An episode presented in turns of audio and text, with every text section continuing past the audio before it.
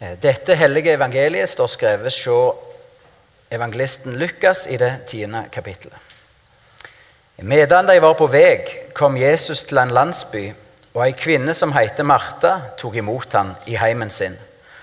Hun hadde ei søster som het Maria, og Maria satte seg ned ved Herrens føtter og lydde på ordet hans. Men Martha hadde det så travelt med alt hun skulle stelle til, og hun gikk bort til dem og sa, 'Herre, bryr du deg ikke om at søster mi let meg være tjener alene?' 'Si til henne at hun skal hjelpe meg.' Da svarer Herren, 'Martha, Martha, du gjør deg strev og uro med mange ting.' Men det er eit som er nødvendig. Maria har valgt den gode delen, og den skal ikke takes fra henne. Ja, Far i himmelen, vi takker deg for ditt ord. Og nå ber vi deg om at du må åpne ordet for oss, og la oss få et møte med Jesus. I Jesu navn. Amen. Jeg vet, vet ikke om dere har hørt om eh, han eh, nyfrelste som ble bedt om å vitne til forsamlingen sin med hvordan han hadde det med Jesus. Og han kom fram og sa det akkurat som det var. Det er fantastisk å være frelst. Men så så han utover forsamlingen, og den var både alvorlig og knytta. Og så mista han frimodigheten, så retta han seg. Ja, iallfall ikke så aller verst. Mange kristne opplever fare underveis i livet at mye av gleden og begeistringen over å være en kristen forsvinner. Det begynte sånn som Bibelen forteller om han mannen som fant den verdifulle skatten. Og i sin glede så solgte han alt for å få del i det. For å få Jesus. Men så er det mange av oss som erfarer at underveis er det så mange andre ting Eh, som kommer inn og vil ta Jesus sin plass og få han litt mer ut på sidelinja. Og da har nok noen enhver erfart at noe av den gleden og begeistringen over å tilhøre Jesus forsvinner. Eh, som 21-åring så fikk jeg et nytt møte med Jesus. Eh, jeg så det akkurat sånn som dere sitter i dag. Jeg så det på en stol flere kvelder. Det var på et alfakurs. Og så fikk jeg høre ting fra Bibelen. Og jeg forsto at Jesus elska meg.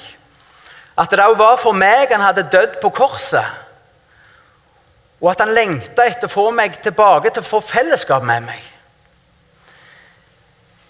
Og Så forsto jeg en ting til, og det var at Jesus ville ikke ha meg bare for at jeg skulle sitte fint på en stol og oppføre meg i påvente av himmelen, men han ville leve et liv med meg.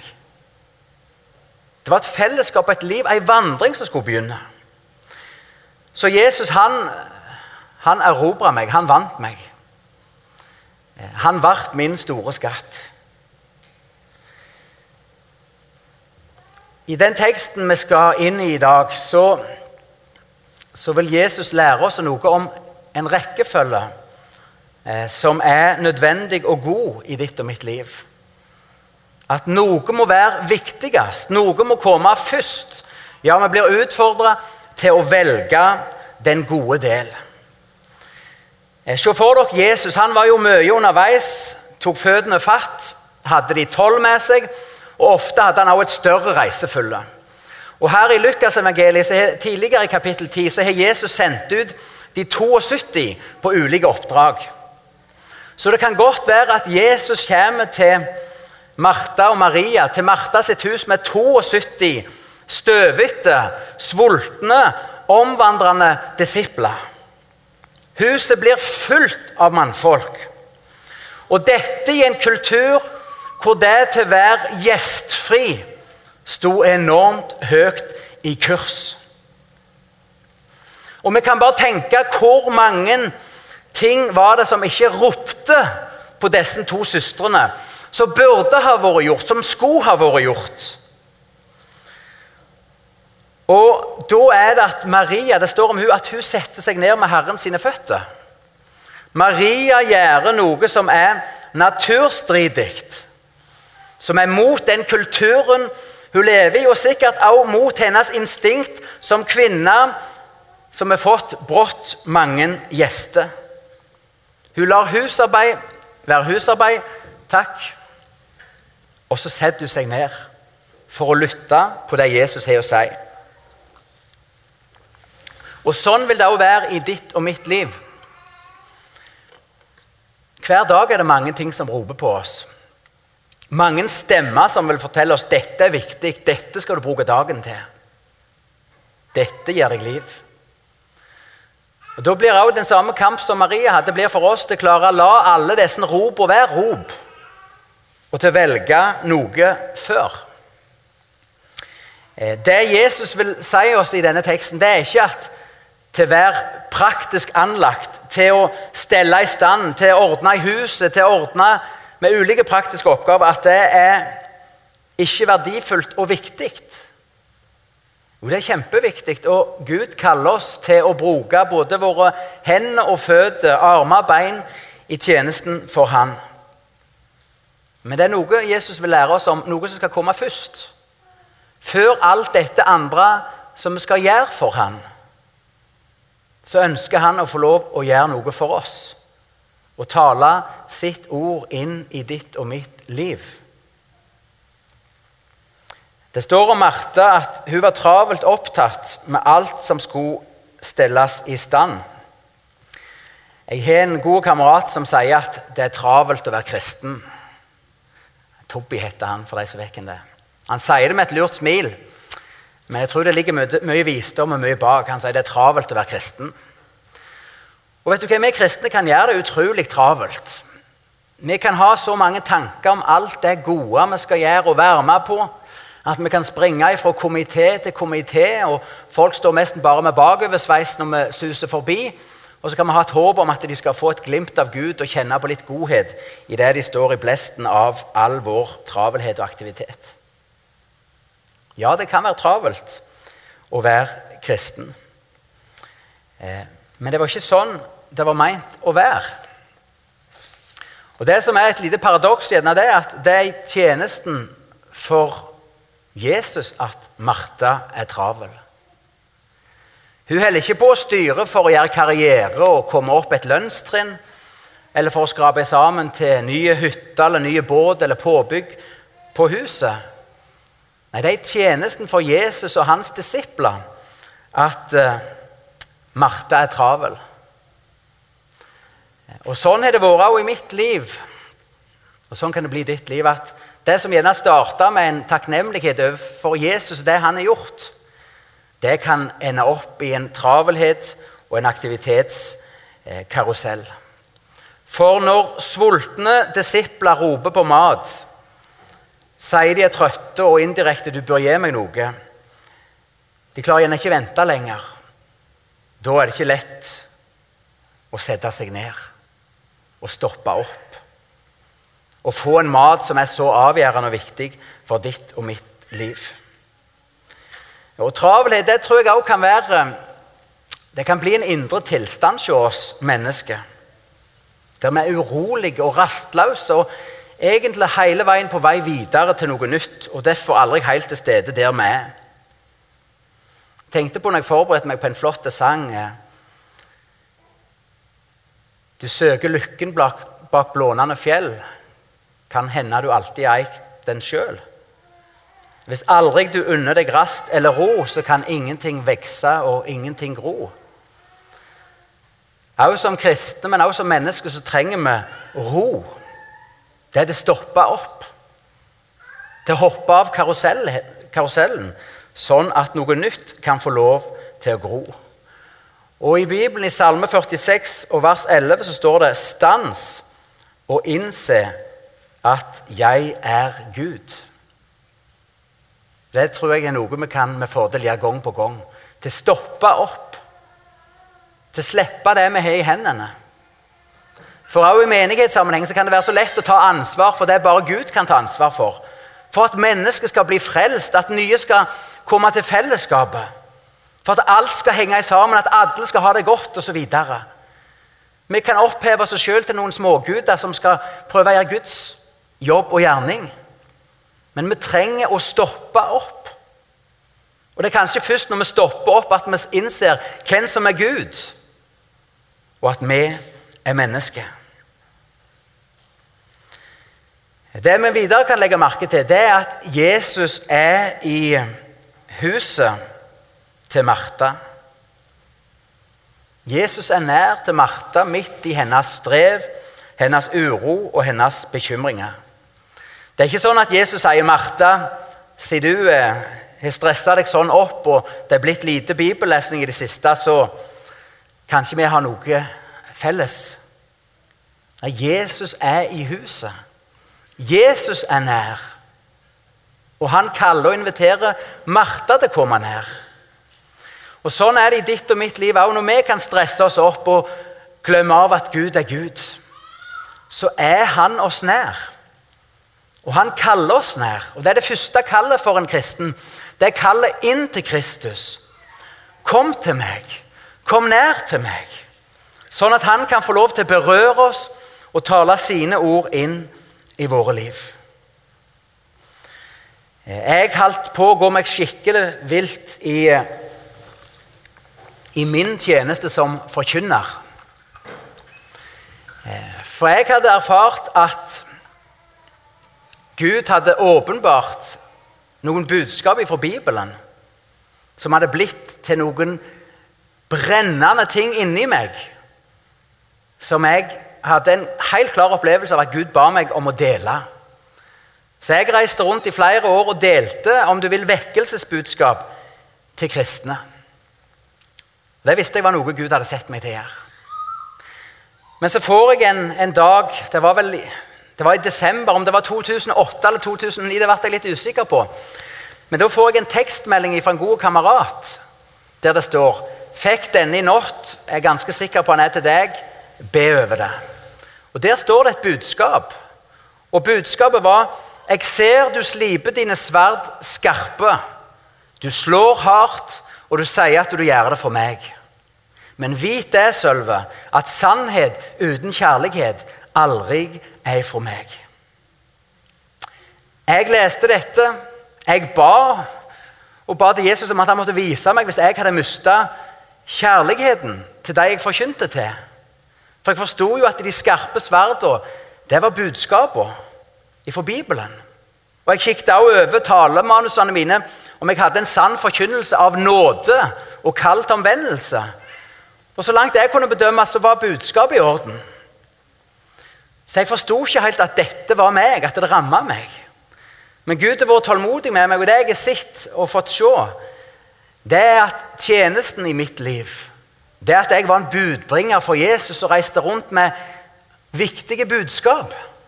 At det hadde blitt større og viktigere for meg enn plassen, min plass med Jesus sine føtter. Tjenesten hadde blitt viktigere enn han jeg tjener. Er dere med? Og det som skjedde Da var jo at da fikk ikke Jesus stelle sånn med meg som han trenger å gjøre. Da var det gjerne hele veien ord til andre jeg skulle ha, men ord som traff meg. Som rensa meg, som talte til meg. Ja, at han fikk fornya meg i den første kjærligheten. At han fikk elske meg først, sånn at jeg igjen kunne elske og ha det rette hjertet for det jeg skulle forkynne til. Så ja, jeg, jeg hadde gått meg litt vilt. Oppgaven, Jeg hadde blitt så travel i oppgaven at oppgaven, tjenesten, hadde blitt viktigere enn Jesus. Det var ikke sånn jeg tenkte det, men i praksis så hadde det blitt sånn.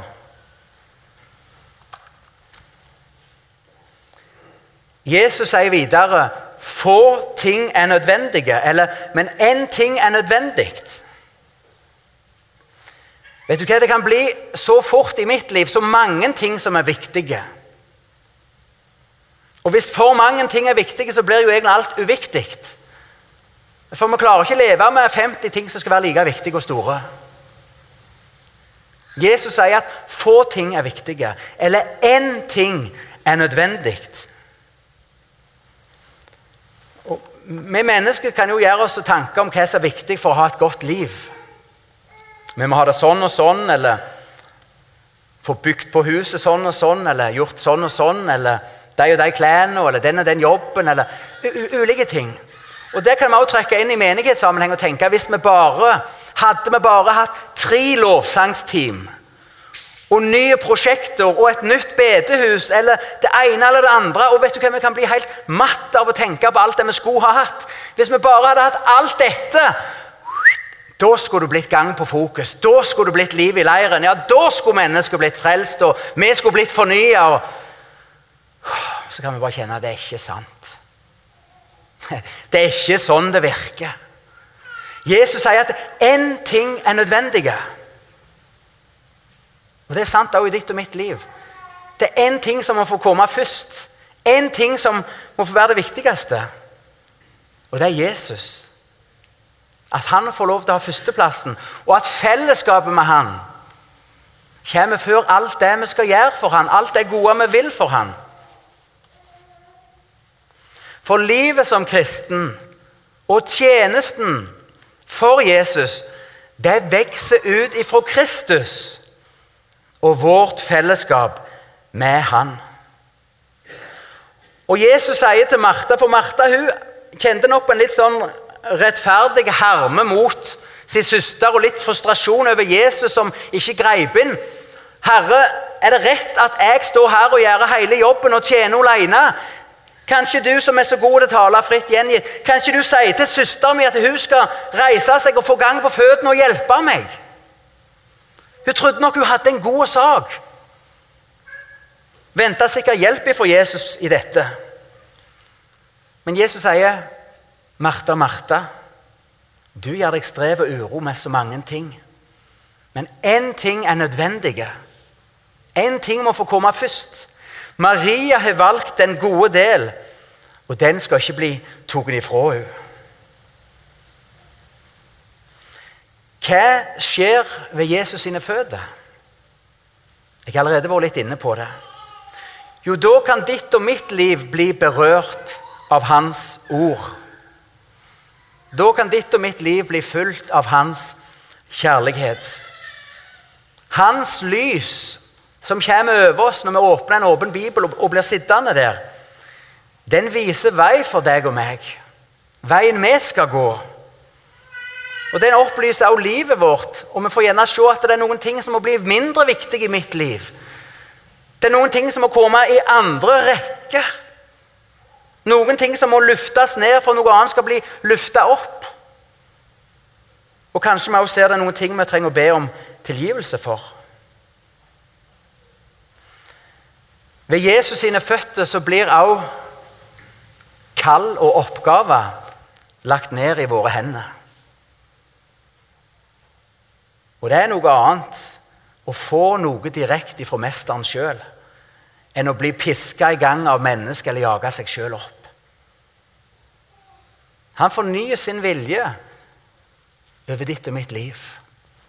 Han legger ferdiglagte gjerninger ned i våre tomme hender. Men vi er bare villige til å velge den gode del først. Stoppe opp og la Gud få lov til å være Gud. Men så er det løye med den gode del.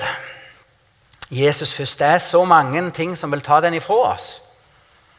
Jeg skulle av og til tro at alt av kaoskrefter og forstyrrelser de blir slått på når en vil velge som Maria. Telefoner som ringer, og tanker som dukker opp, at jeg skulle bare gjort det eller det. eller og så er jo sannheten den hvis vi bare skal bli ferdige med alt vi skulle ha gjort, så blir vi nok aldri ferdige. Så fikk vi ikke velge den gode del først. Så jeg tenker For å leve et liv der vi på ny og på ny får velge Jesus først Og det trenger vi nåde til. Men da trenger vi både fasthet og frihet. Fasthet i beslutning og forsett. Ja, Jesus, jeg vil ikke andre ting skal få ta din plass. Jeg vil søke deg. Jeg vil legge dette andre til side, og så skal du fortale det meg først. Men også frihet. At livet vårt, helsa vår, omstendige, familieheter, ulike ting spiller inn. Og Der skal vi også være fleksible og rause med oss sjøl. Jeg har vært en del og talt på, på Vigrestad. Og Der var det ei herlig gammel dame, Maria Særheim. Hun hadde sånn glød, og hun var vel 85. Og Hun fortalte fra ei sånn kvinnestevne, eller kvinnesamling. Jeg tror det var på Holmavatn hun hadde vært. Der var det ei, eh, ei kone innant en eller annen plass i Ryfylke. Det høres gjerne utrolig ut, men der hun bodde, så var det ikke noen andre kristne som hun kunne få lov til å dele sitt hjerte med. Så hun hadde ei enkel, Dette var ei bondekone. Hun hadde en enkel oppskrift på dagen.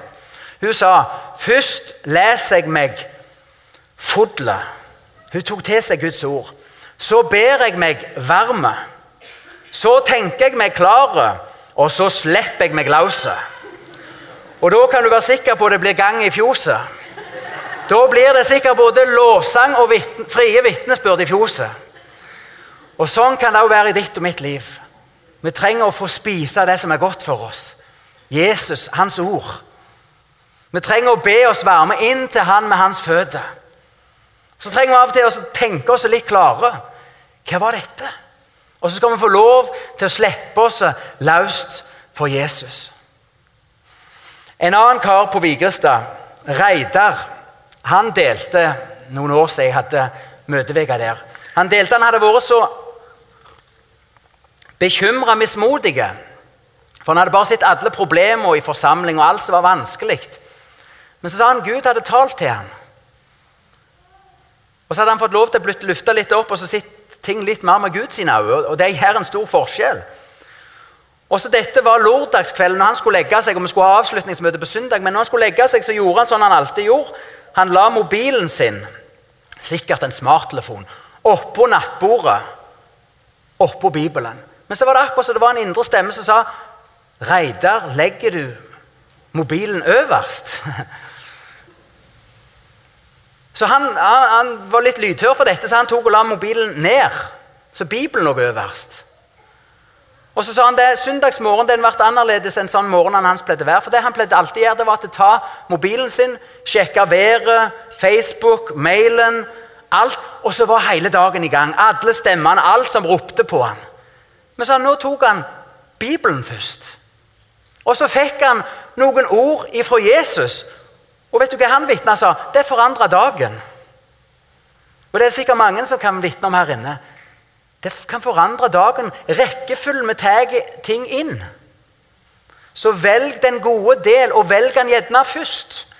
Sånn at den kan få sette preg på resten av dagen. Hvor er du i denne historien? Prøv å se for deg dette huset, fullt av Jesus og hans disipler. Har du det som Marie, at du lever stort sett i en sånn rytme der du synker ned? Velger den gode del. Får et møte. Eller er kanskje ditt liv som, som kristen eller som menneske mer nå preget av strev og uro? Av alle ting du skal nå over, alt som roper på deg? Eller kanskje er du den nysgjerrige naboen som står i døråpningen, som ikke vil sette seg ned blant disiplene, men allikevel har et halvt øre til? Eller er du den uinteresserte broren tre hus lenger ned i gata? Hvor er du i denne historien. Samme hvor vi plasserer oss inn, så har Jesus et løfte og en invitasjon som gjelder oss alle. Og Den står i Matteus 11, 28 og vers 29. Kom til meg, alle dere som strever og har tungt å bære, så vil jeg gi dere hvile. Ta mitt åk på dere og lær av meg, for jeg er mild og myk i hjertet, og dere skal finne hvile for deres sjel. Dette bildet er henta fra landbruket. Der var det vanlig å sette en okse i et dobbeltåk. Sånn at to okser drog kjerra eller plogen sammen. Det Jesus inviterer oss inn til, samme hvem du er, hva du heter og hva du tror på, det er til å gå inn under hans og. Det vil si til å komme inn i en posisjon der du står i tospann med Jesus. Og hva er Jesus sitt òg? Jo, det er hans ord og hans lære. Og det vil si, Hvis vi vil la våre liv bli forplikta på hans ord Hvis vi vil begynne å sette oss ned under dette åket og ta imot hans ord, hans tanker, så er det et løfte med seg. Vi skal få hvile ifra de tunge tingene som vi bærer på.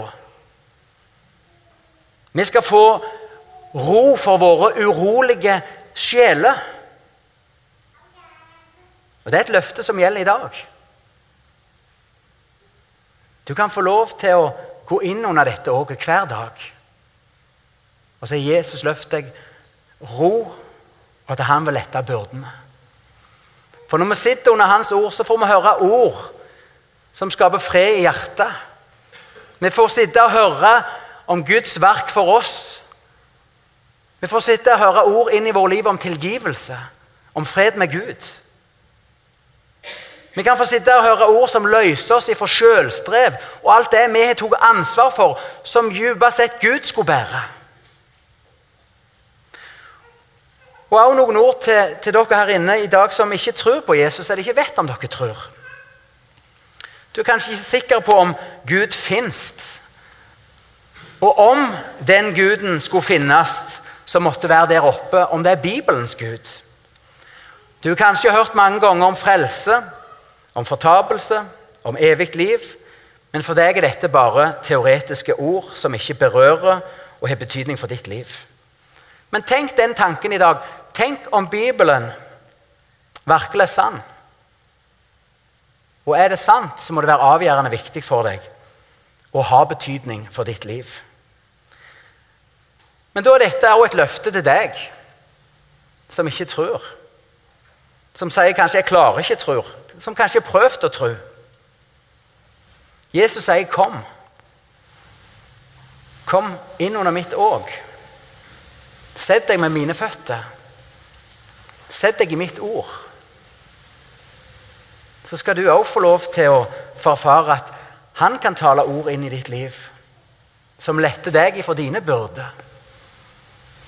Han kan tale ord inn i ditt liv som forklarer deg hva frelse er, og at du trenger det. Han kan tale ord inn i ditt hjerte som skaper tru. For også tru er en gave fra Gud. Efeserne 2,8 sier av nåde er dere frelst ved tro. Det er ikke deres eget verk, men det er Guds gave. Så Sånn er det vi kan få lov å sette oss med tomme hender. Med vår tvil, vår mangel på tro, hva det måtte være. Og så under Hans òg. der Hans ord får lov til å bli ord inn i våre liv, der skapes forandringer. Der skapes tru.